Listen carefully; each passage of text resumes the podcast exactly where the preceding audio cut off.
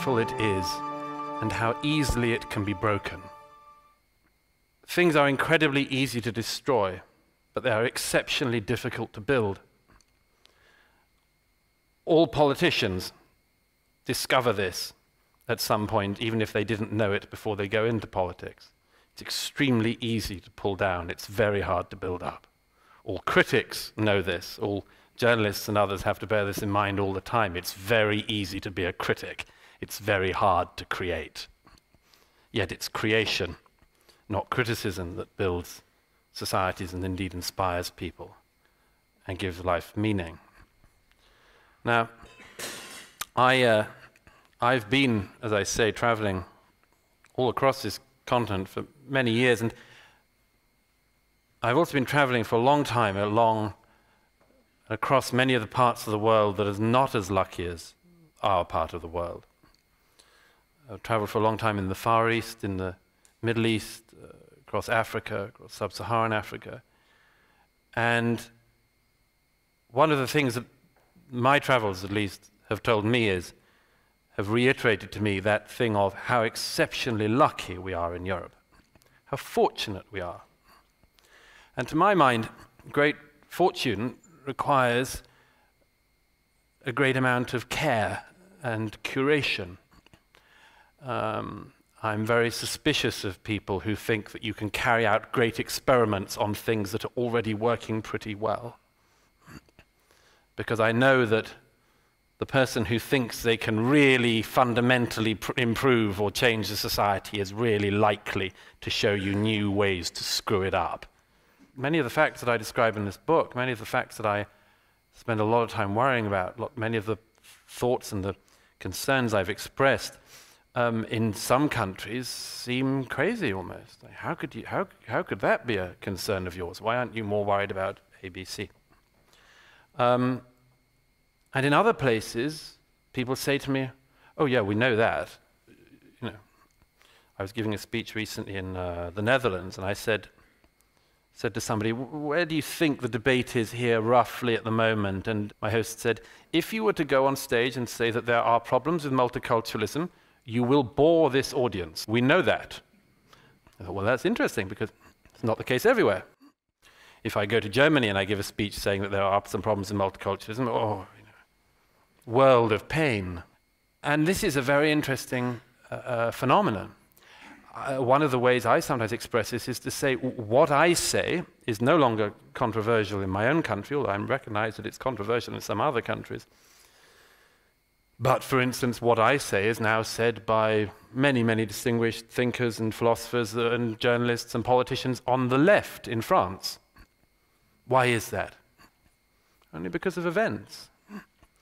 It's, it, it's very easy to uh, uh, wish problems away when they're not right in front of your eyes. They're very, very hard to wish them away if you lose 130 people in a single night in Paris, or you lose another 80 people just because they're on the uh, seafront in Nice on Bastille Day. It's very hard to say there's no problem if, in that case, within one year, you have all of your most prominent atheist satirists massacred, and a Catholic priest uh, having his throat slit at the altar of a church in Rouen as he's saying Mass. It's very hard in that situation to continue to live in a bubble of denial and, uh, and much more.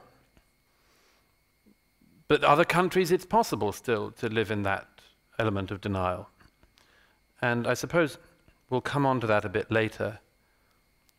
But first, let me just say some things about uh, the general outline of, of what I've been thinking about, what I've been looking into in recent years that's come into this, this book, the, the Strange Death of Europe.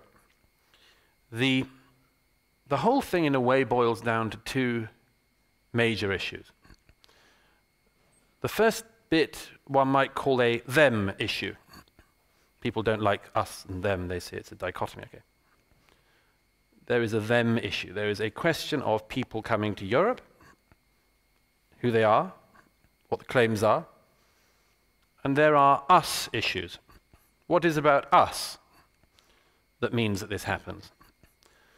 There are many other ways in which to look at this, but see, this seems to me to be a, a beginning of something. Now, the them bit of the migration discussion is, in some ways, the hardest part for people to swallow.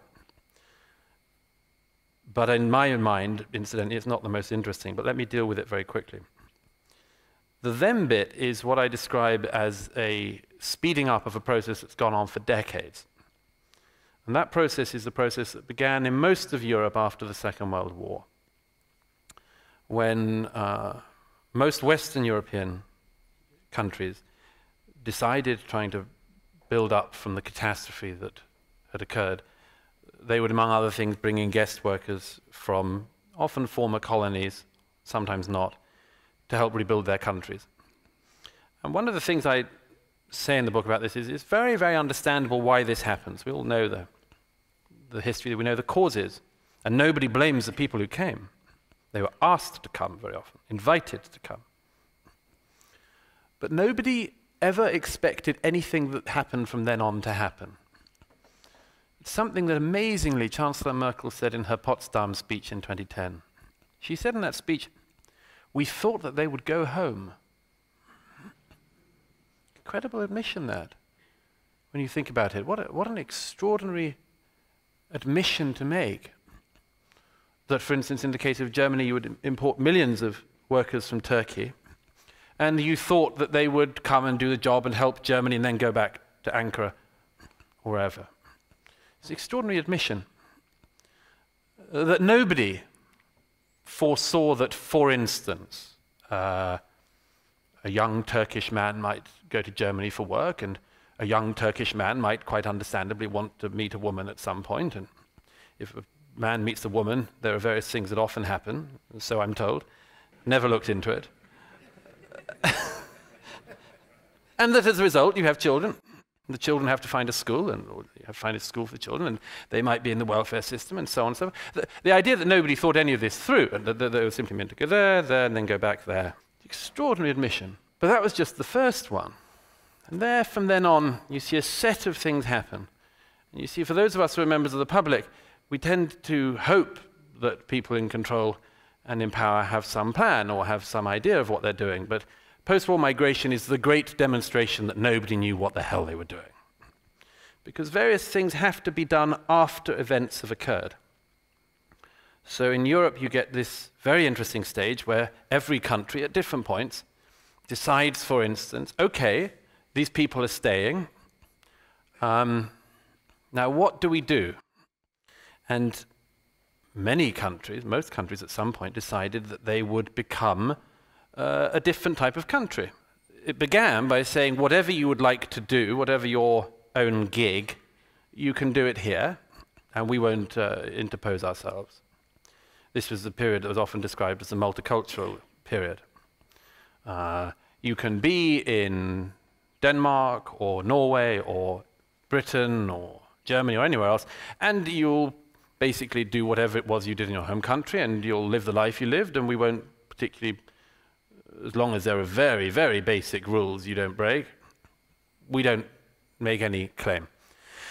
And then people started to realize that that wasn't so good so then people said actually we need to work on integration and then this pseudoscience of integration sprung up no having told you to come expected you to go, realized you hadn't, told you you could do what you wanted, we're now going to tell you to become like us. It's an incredibly confused set of messages, and I don't blame anybody who found that confusing, who'd come, because God knows it's very confusing for those of us who were always here.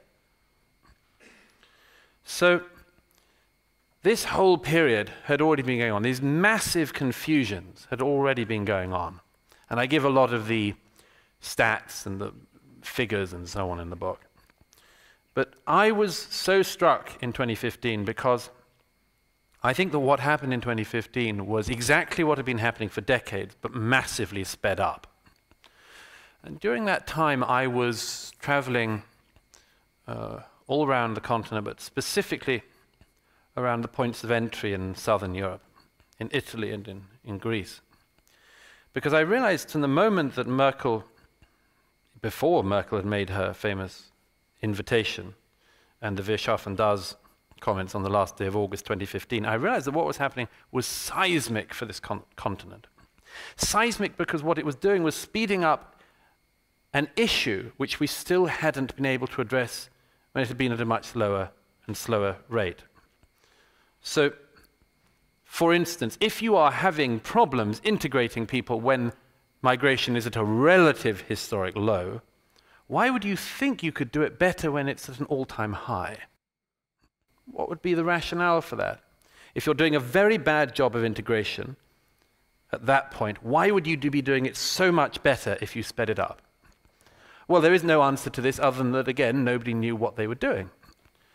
And all you could do at that point was warn. Now, during that period in 2015 and 2016, when I was traveling, and by the way, I mean, one of the things I never can help noticing is that uh, some of my critics uh, who like to present themselves as great internationalists um, never go anywhere. Um, there's a certain type of what I call parochial internationalism that is developed in our countries. Well, you don't kind of have to know much about the world or go there much because you just love it innately. I travel around and I, I speak to people. And uh, in 2015, 2016, I was particularly making sure that I was speaking to the people who are coming uh, in the migrant camps and southern Europe and finding out their stories, finding out why they were coming. And that's, that's an important thing for another reason, by the way, which is that I think there are impossible dreams that are dreamed on every political side. There are some people who say it's very easy, just nobody come. I say, well, if you think that's the case, you have to stare this issue in the face. You have to meet the people who that would impact upon. You have to see what this would mean. So there's a sort of easy fantasy that people have which ignores the human face of these issues. In the same way that there are those who say, let the whole world come, or at least open the doors and let's not bother, who also don't bother to look in the face of what this means, who don't want to know the experiences of people in Europe that that leads to, for instance, or who think, uh, let's be very generous and invite everybody to come and then just ignore them, let them be leave them to sort of go off up into Europe. And I say at one point in the book that I understand, in a way, both of these dreams, albeit they're sort of nightmarish. Um, and that second one, I'd had myself, I describe it in the book, that that idea of standing in, the, uh, uh, in, a, in a camp, hearing all these stories, meeting all these people, and you think, yes, maybe, maybe we could come up with a system where that family goes to that village, and that everyone gets a family, or everyone gets a person, and that person could go into that town in the north of Norway, and that person could go into that one. Um, because you can dream these dreams in the abstract. But we have to do better than that. We have to do so much better than that. And what I realized in 2015 was that nobody was thinking about the deeper issues. Nobody was thinking about them. I saw with my own eyes the fact that, yes, there were people coming in 2015 who were fleeing, for instance, the Syrian civil war, although most of the people who were fleeing that had already got out by then. Yes, there were people fleeing conflict. Yes, there were people who were fleeing unbelievable situations in Afghanistan, for instance. Unbelievable stories. But most of the people who I was meeting were not people fleeing Homs or, or Kabul. Most of them were from sub Saharan Africa, and they were men, young men. And they were here, they had fled economic deprivation, no doubt about that, but they were not what you would call asylum seekers, or at least they were people who had no legitimate claim for asylum. And you could see this with your own eyes in 2015. 2016, the Vice President of the European Commission, Frans Timmermans, admitted this himself in an interview with Dutch media when he said that the Frontex, the, the uh, EU border agency figures, the Frontex figures themselves showed that of the arrivals in 2015, which I don't need to remind you of the figures, but included an additional roughly 2 to 3% added to the German population in 12 months, an additional 2 to 3% added to the Swedish population within 12 months, that the, these numbers, as he said, the Frontex figures showed, showed that at least 60%, 60% of the arrivals that year had, quote, no more right to be in Europe than anybody else in the rest of the world. Well, that's a heck of a mistake to have made. That's a heck of a mistake to have made. To have invited the world to come and then discover that most of the people who'd come shouldn't be here is a heck of a thing to have done. And the only consequence to date is that intermittently Chancellor Merkel says that she's, well, the press always reports that she says she's sorry. If you read the text, what she says is, for instance, that she is sorry that Germany was not better prepared in 2015 for the intake. I myself am very critical of this because Angela Merkel herself in 2010 in her Potsdam speech says multiculturalism has failed, utterly failed, in her words. And then five years later, she uh, opens the borders. Uh, what had she done in the five years between Potsdam and August 2015 to make sure that this had improved? Nothing. There had been no improvements at all in integration processes or anything else in Germany. So I find these apologies very hollow. In any case, I said to you that there were two effectively sides to this, which, crass as it is, we might think about it in. That being the, as it were, the them bit, the who is coming. And I can go into a lot more detail about that if you would like later. But the second bit of this is the us question. And this is something which I can get almost nobody to focus on. Even my critics, as I say, of whom sadly there are some, say to me that they are, they are totally fascinated by what I'm saying about the immigration. They're horrified by it. They think I shouldn't say it. They think I shouldn't state the facts that are before our eyes. But, but nobody so far, I think, at all has picked up on what I regard as being the second and at least equally important issue this us issue, because it's an odd thing to do societally and culturally. To, for instance, without any mandate from the general public, decide to become something totally different. It's a very odd thing to do. It's an odd thing, among other things, for society to effectively decide to abolish what it has been hitherto and to become something totally new. And in different ways in each of our countries, something is underway which is that. It's what I describe as the, the, the turning of European nations into sort of versions of the UN, uh, where states should ideally behave like large charitable foundations, uh, distributing funds around the world, um, looking after the nest egg to some extent, but, but not much beyond that. A distributive body. And every single country I can think of now in Western Europe has effectively formally taken this kind of leap. And there are various reasons I think we've done that, some of which I go into in the book. Among them, among the causes, I should say, are issues which we have thought far too shallowly about. For instance, every European country has some version of what I describe using the phrase from Pascal Bruckner, of the tyranny of guilt. We all have a version of the tyranny of guilt. We in Europe, this line goes, have had a very ugly past. We've had a very bad 20th century. Before the 20th century, we had colonialism, so we had a very bad 19th century been bad for centuries. And as a result of all this, uh, we need to expiate some kind of guilt. And that's why, for instance, we should make our home the home for anyone in the world who makes it here.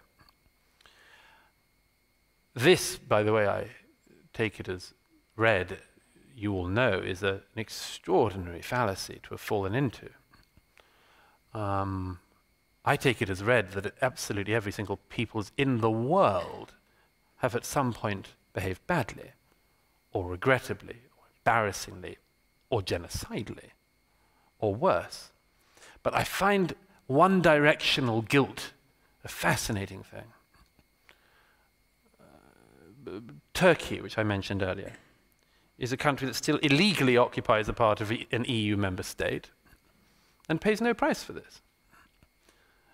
Turkey ran one of the largest, longest, and most important empires in history, the Ottoman Empire.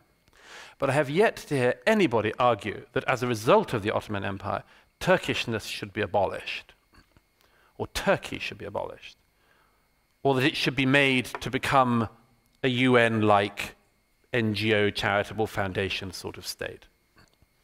It would be a very weird thing to do to demand of modern day Turks who had no involvement in the Ottoman Empire that they should in some way pay the price for the historical sins of the Ottoman Empire. Yet Europeans seem to want this kind of guilt. It's almost like we want to be able to blame ourselves. It's a masochistic impulse. And as I've said before, the problem that all masochists, I'm told, at some point face is what happens when they meet a real sadist. You think you're terrible? So do we. You think you're irredeemable, appalling, base, cultureless? Good. We think the same about you. And so on. Now, this is only one aspect of it, but it's a very important aspect of it. Another, which I'll dwell on quickly, is what I describe, and this is a very, this is, this is one I wish there were more pushback on, and I never get it, which suggests to me that I'm on to something. I describe in the book uh, what I describe as the sense that the story may have run out. Now, this is a very modern European issue, and I'll do, deal with it very quickly. But it goes something like this. And uh, I used the, another French philosopher, Chantal Delsol, a wonderful uh, French philosopher. I steal an image from her. Uh, this, it goes something like this. In Europe, we had uh, dreams of religion, all of which at some point fell apart. Some of which are still falling apart, some of which uh, at least battered, bruised, singed. So the dreams of religion sort of were given up on. I say this not as a judgment, but as an observation. Then there's the dream of the nation state. The nation state this line of thinking goes, led to conflicts, led to uh, wars, led to uh, invasions, and so on. And so we find ourselves not believing in the nation state.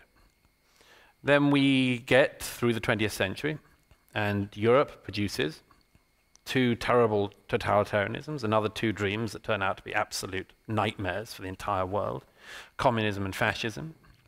And these two dreams go fascism in 1945, communism arguably not entirely yet. And, but that broadly speaking, after the fall of the Berlin Wall, Europeans are left in the position, as Delsol describes it, that Icarus would have been in if he'd survived the fall.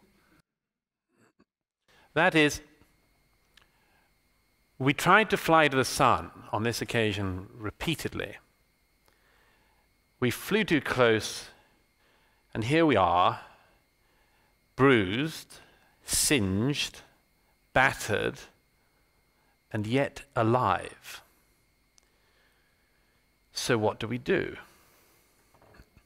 And the modern European answer to this so far has been the same answer that, among others, the communist elites in Russia did when they realized that their alleged dream was over.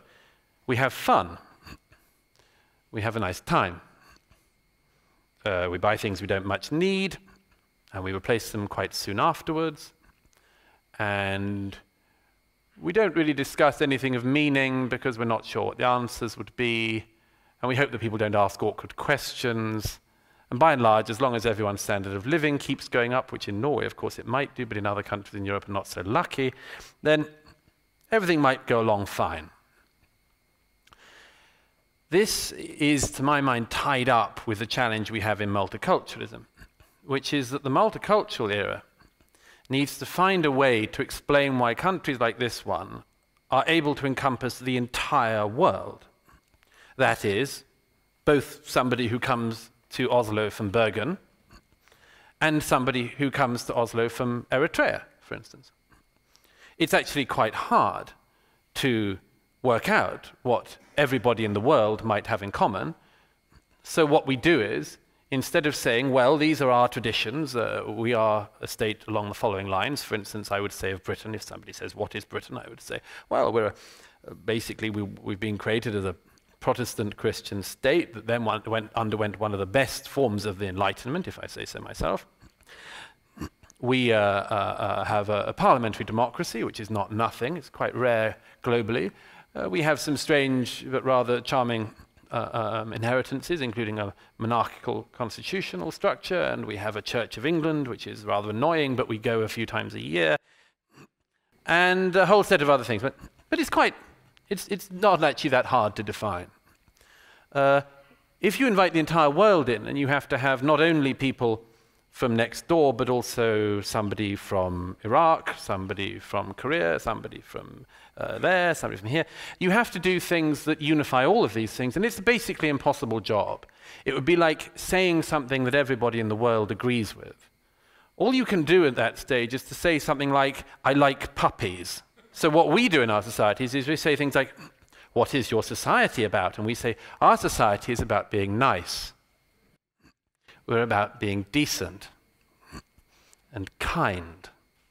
Almost no society in the world says, not even the Saudis say, we're actually devoted to being total shits. Almost nobody actually says it. So it's sort of stuff that absolutely everybody is meant to be able to agree on. But this, this has a result, which is that your definition of yourselves becomes incredibly broad and unbelievably shallow. And you want people to become a part of that? You want people to join you in that? You think that some people aren't going to see holes in that? Or find critiques of that which, and this is the problem, are meaningful critiques? Now, currently, our solution to this is several things. The media's solution to this in most of our countries, and I think this may echo true here, is to pretend that there are only good things that happen and to not focus on any downsides. And if you focus on any downsides, then you're making the downsides happen. If you report the facts, you're causing the facts. If you say what you see, you're causing the vision. And uh, this has been a case in every country, and it's in different stages. And it's always in different stages simply because of events. As I say, it's very hard in France these days to pretend that there are not some downsides from mass migration that you haven't controlled and haven't looked into the details of. It's quite hard. It's probably possible for a while longer in Norway. Maybe. It seems to not be working all that well in Sweden. And it's kind of stopping in my own country. Why is it stopping? Because it's very hard to say that there aren't any downsides to not really bothering to find out who's in your country. When, for instance, in the 1990s, you give political asylum to a man and a woman from Libya who are seeking asylum in the UK because they are political enemies of Colonel Gaddafi. Now, being a political enemy of Colonel Gaddafi in the 1990s was a pretty admirable thing to be, sometimes, not always. Not, for instance, if, as the man in this couple was, you're one of the leaders of the Libyan Islamic Fighting Group, which some years later allies to Al Qaeda and becomes the Libyan branch of Al Qaeda. Why do I mention this couple from Libya who get asylum in the UK because they are enemies of Gaddafi, because they're from Al Qaeda in Libya? I mention them because then they have a child the moment they arrive in the UK. Already, the wife is already pregnant. 22 years later, the young man, as he is then, Salman Abedi, born, brought up in the UK, educated in the UK by, by UK taxpayers, goes to university in the UK, paid for by UK taxpayers. On a Monday night, goes to the Manchester Arena, and Ariana Grande is playing a concert and detonates a suicide bomb, and 22 young girls have their lives taken.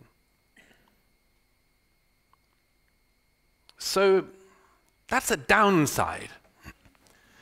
That's a definite downside. And we haven't thought about any of how to deal with that other than from the media's point of view, let's pretend that that's a question we shouldn't ask. Let's not ask any of the details in that. Let's not bother to find out any of the details. A few weeks after that attack, when three young men ran across London Bridge and then through Borough Market, slashing the throats, particularly of women, including killing two Australian girls, one of whom was a nurse tending to the wounded, slashing at women's throats, particularly singling out women, shouting, This is for Allah. One of those people was actually from Morocco, pretended he was from Libya, had stayed in Britain, although he'd been found to be lying. He'd stayed anyway under his other passport. And one of the other men who took, carried out that attack was actually from Pakistan and had got asylum in the 1990s. Nobody is clear why in the 1990s you should get asylum from Pakistan, which is a, uh, an ally uh, of the UK's, uh, better and worse. Uh, and uh, that young man takes part in that as well. And by the way, again, the media, everybody after that attack said, what do the tech companies need to do to uh, improve stopping this sort of thing? There's always a uh, pardon the French, there's always a bullshit argument that happens. And that's the one we've fallen into recently. Something happens like that, and you go, what should the tech companies do? There is still no evidence that any of the attackers that night did any of their connecting online. They didn't need to. But the man I just mentioned who got asylum in the UK in the 1990s from Pakistan, he was on the television in the UK just the year before that attack in a program called My Neighbor the Jihadi. He was one of the stars of the show. Which brings me on to the political class. Because when Theresa May and others say, as our Mayor of London, Sadiq Khan, did, the tech companies might say, the tech companies had nothing to do with this, albeit there is an important role on other occasions. But if you wanted to know somebody who might be likely to carry out an attack like that, you didn't need to go into the dark web. You didn't need to do some GCHQ thing. You needed to turn on your bloody television. Because he was on it, saying, I'm a jihadi, on prime time. It wasn't hiding, it wasn't a covert operation in an Afghan cave. Eight o'clock, with commercials in the middle the political class dodges this as well because the political class realizes, well, the downsides that exist from this might come back on us. So we've got to find other things to divert attention onto. And one of the ways that that happens, as I say, is to try to pretend, and still that's going on, that basically uh, um, there's nothing much to see here, or if we don't ask any of the deep questions, we don't have to get any problematic answers. And I think we're going to get some problematic answers anyway.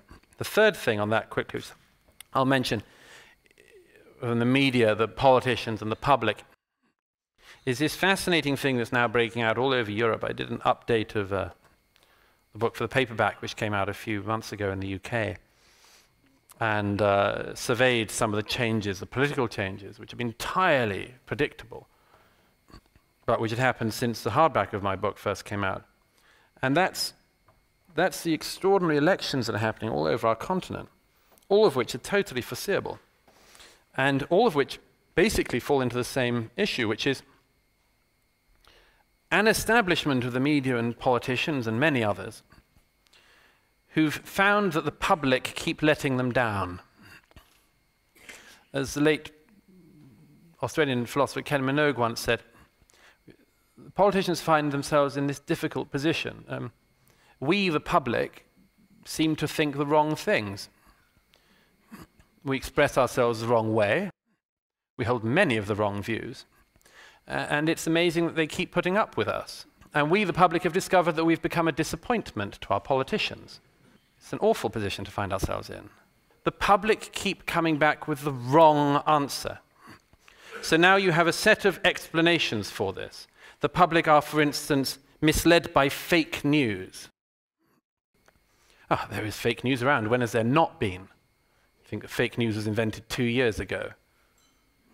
Never read the New York Times if you thought that. Uh, take what happened uh, a few days ago in Germany.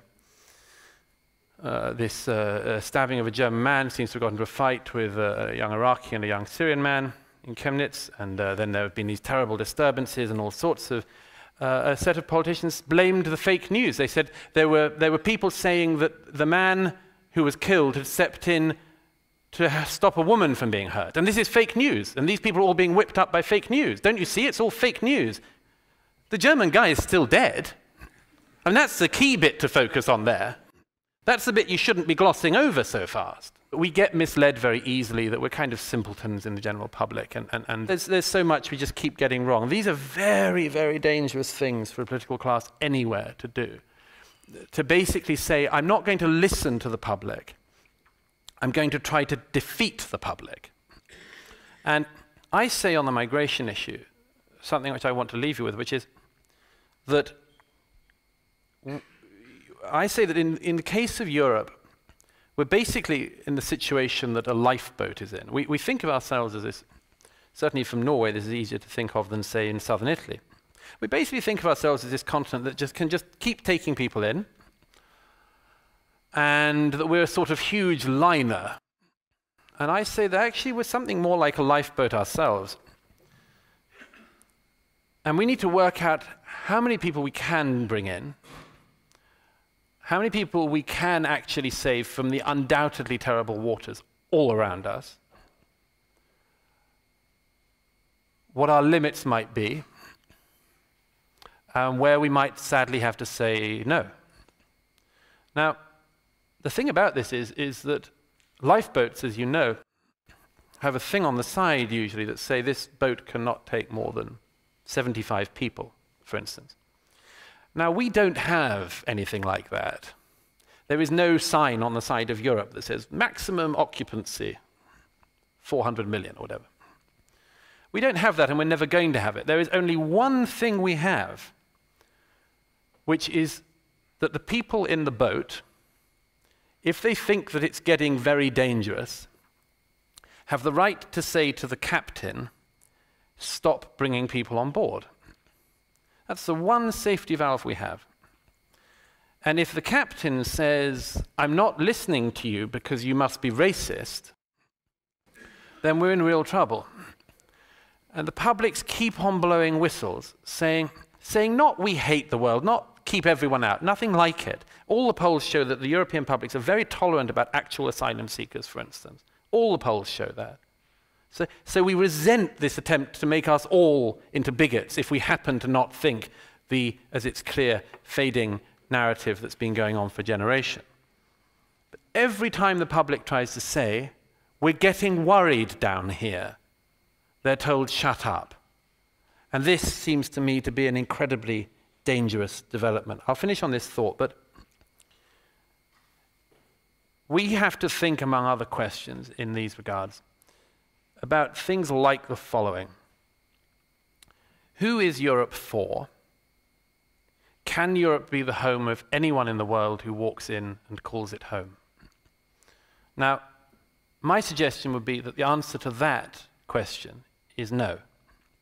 It cannot be, sadly, regrettably, but it cannot be. The welfare state will not put up with it. Societally, it will not put up with it. Culturally, it will not put up with it.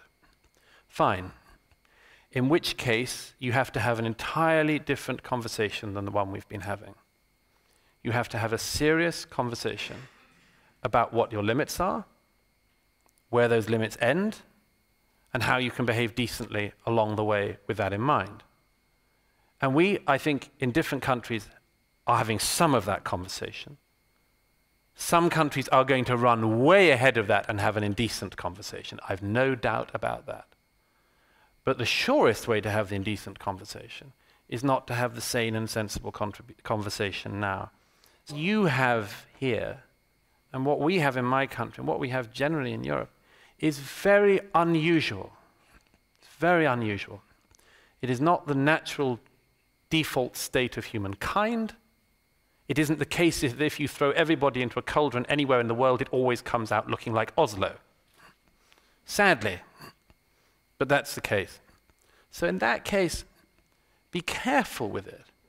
And sometimes people say to me, uh, uh, um, because we have now the resurgent questions about nationhood, nationalism, patriotism indeed. And many people don't like these conversations, and I don't like a lot of the conversation. But some years ago, I clarified this to myself when somebody said to me, Do you feel patriotic? And I said, That's, that's a very difficult question to answer because I'm not entirely sure. I said, Well, patriotism suggests something you yourself maybe have contributed to and something you yourself have fought for and something more. And I'm just very lucky to have inherited this.